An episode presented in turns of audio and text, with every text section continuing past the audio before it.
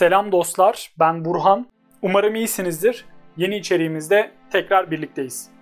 Bugün sizinle hem mobilyalarını hem de köftelerini sevdiğimiz bir marka hakkında konuşmak istiyorum. Evet, doğru tahmin ettiniz. Ikea'dan bahsedeceğim.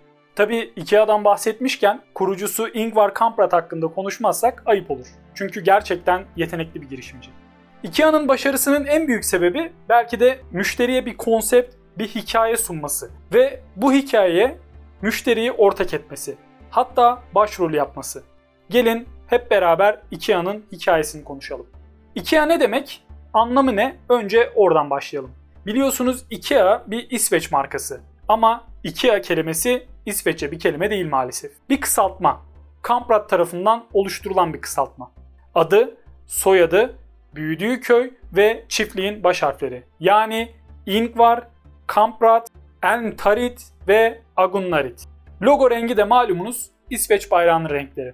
Aslında marka ismi için güzel bir düşünce. Kısa, anlaşılır, söylenmesi kolay ve akılda kalıcı. Kamprad İsveç'te 1943 yılında 17 yaşındayken 2 ay kuruyor. Bu arada öğrenme bozukluğu yaşayan bir çocuk. Özel bir çocuk yani. İlk başta kalem, cüzdan, saat, çorap gibi ürünler satıyor. Sonrasında küçük ev eşyaları satmaya başlıyor. Hatta bu dönemde müşteri çekebilmek için kahve ve kurabiye dağıtıyor. Daha sonra rakip bir firmadan etkileniyor ve mobilya satmaya başlıyor. Satışlarının arttığını görünce mobilya üzerinden devam ediyor. 1951 yılına geldiğimizde IKEA ilk kataloğunu çıkarıyor ki bu müşteriler için mükemmel bir şey. Ürünü almadan önce özelliklerini vesaire görebiliyorlar. Bu arada Kamprad'ın mottosu kaliteli mobilyayı ucuza satmak. Tabi bu ucuza satma mottosu yüzünden mobilyacılardan, rakiplerden ve tedarikçilerden büyük bir baskı oluşuyor. Bunun üzerine Kamprad vazgeçmiyor ve 1955 yılında farklı tedarikçiler bularak kendi mobilyalarını dizayn etmeye başlıyor. Şunu da söyleyelim, IKEA Amerika pazarına girdiğinde başarısız oluyor. Nedenini Amerika'ya gidip araştırıyorlar ve mobilyalarının Amerika'daki büyük evlere göre çok küçük olduğunu görüyorlar. Bunun üzerine IKEA ürün hattının %20'sini Amerika pazarına göre dizayn ediyor ve satışları %40 artıyor. Dostlar, söylenen o ki Kamprad İsveç'teki yüksek vergilerden kaçınmak için IKEA merkezini Hollanda'ya taşıyor. Şu an hala merkez Hollanda'da. Bu arada Kamprad günlük yaşantısında lükse savaş açan biri. Sürekli ekonomi sınıfında uçuyor. 20 yıllık eski model bir Volvo arabaya biniyor ve çalışanlara kağıtların iki tarafında kullanmaları gerektiğini söylüyor. Bu arada kendisi 2005 yılı verilerine göre dünyanın en zengin 10 insan arasında. Girişimci, mütevazı, yaratıcı ve pes etmeyen bir kişi olan Kamprad 2018 yılında 91 yaşında vefat ediyor. Şimdi gelelim onun kurucusu olduğu dünya devi Ikea'ya.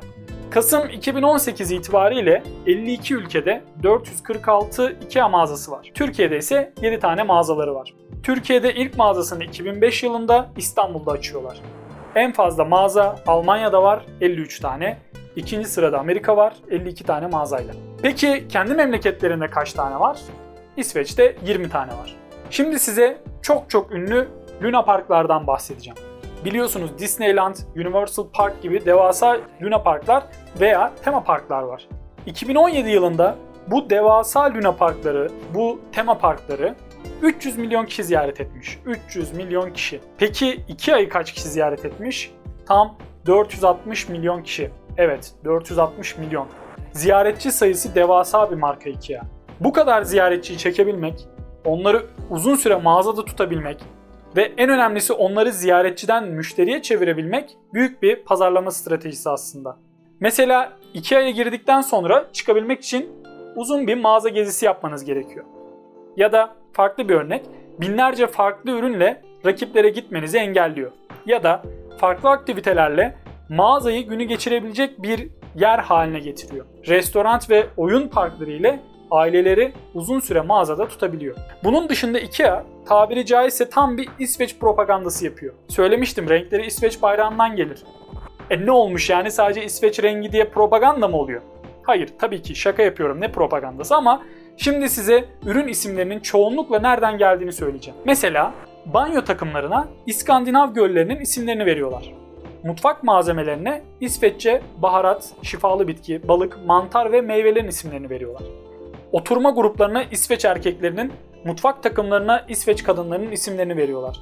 Yatak odalarına ise İsveç şehirlerinin, döşeme mobilyalarına İsveç saraylarının, kitaplıklara İsveç dilindeki mesleklerin, aydınlatmalara İsveççe mevsim, ay ve günlerin, nevresimlere, yatak örtülerine İsveççe çiçek, bitki, değerli taşların, çocuk malzemelerine İsveççe memeli hayvan ve kuş türlerinin isimlerini veriyorlar.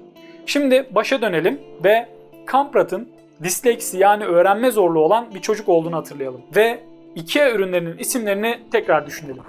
Numaralarla adlandırmak yerine akılda kalıcı kelimelerle adlandırmak.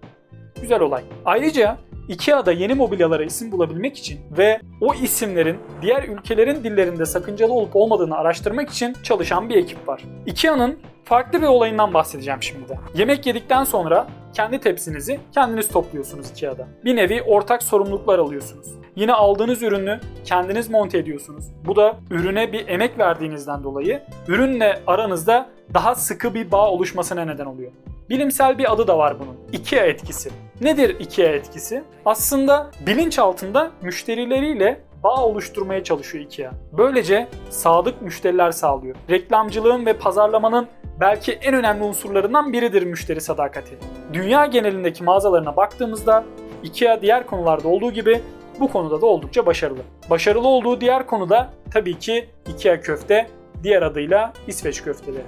Bu köftelerin arkasındaki şef Severin Jöstedt. Kendisi 1985 yılında ekibi ve Kamprat'la mükemmel bir köfte yapma işine girişiyor. Ve diyor ki o zamanlar restoranlarımızda misafirlerimize sorunsuz ve hızlı bir şekilde hizmet verilemiyordu ve kalite yeterince iyi değildi.